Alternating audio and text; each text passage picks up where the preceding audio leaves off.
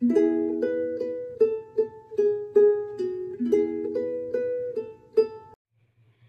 tahu apa yang paling baik dari hujan?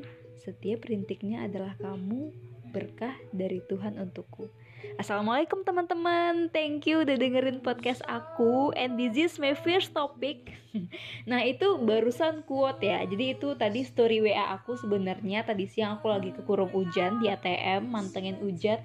Ada aja gitu yang terlintas. Ya udah akhirnya aku posting sama fotonya sekalian. Eh banyak yang komen dong Jadi intinya teman-teman sebuah ide itu bisa tercipta ketika kita sedang ngapain aja dan sedang di mana aja. Nih aku contohin ya.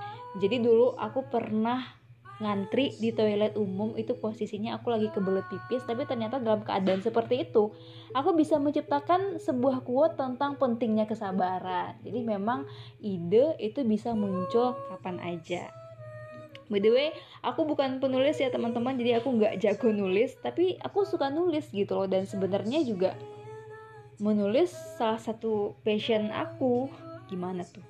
Tapi ini jujur ya banyak teman-teman aku yang bilang kamu kan bisa nulis Ci. Kamu kan bisa bikin puisi kamu kan bisa bikin quote-quote. Dan juga pernah ada beberapa teman-teman yang minta tolong bikinin caption dan juga pernah coba caption aku. Ya padahal menurut aku B aja sih.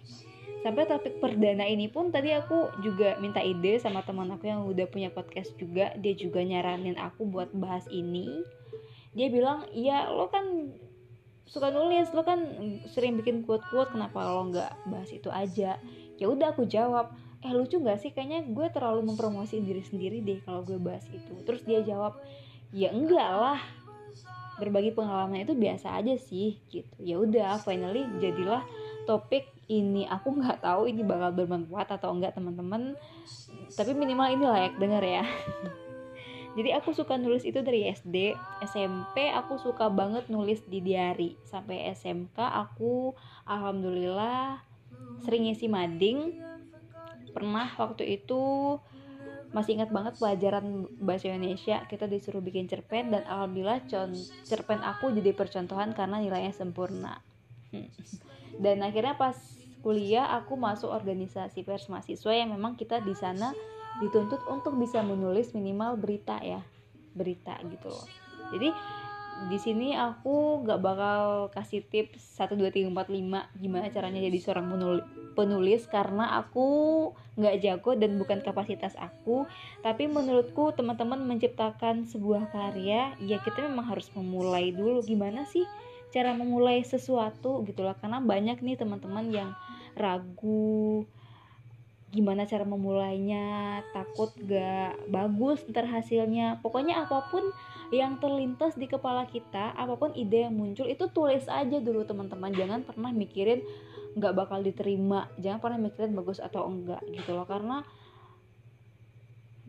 apa pun yang keluar dari kepala itu ide dan ide itu adalah karya karya itu mahal menurut aku ya. Jadi kalau memang kita ngerasa masih ada yang kurang ya udah kita tinggal rangkai lagi pikirkan lagi cari referensi.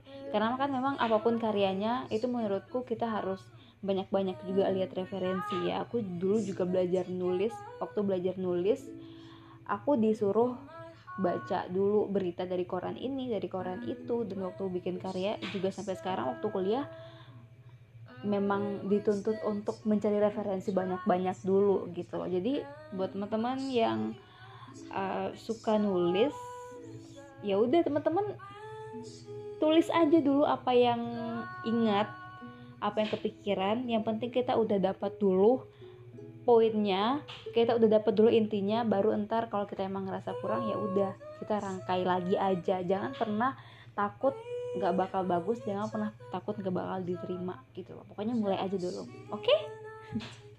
thank you. Assalamualaikum warahmatullahi wabarakatuh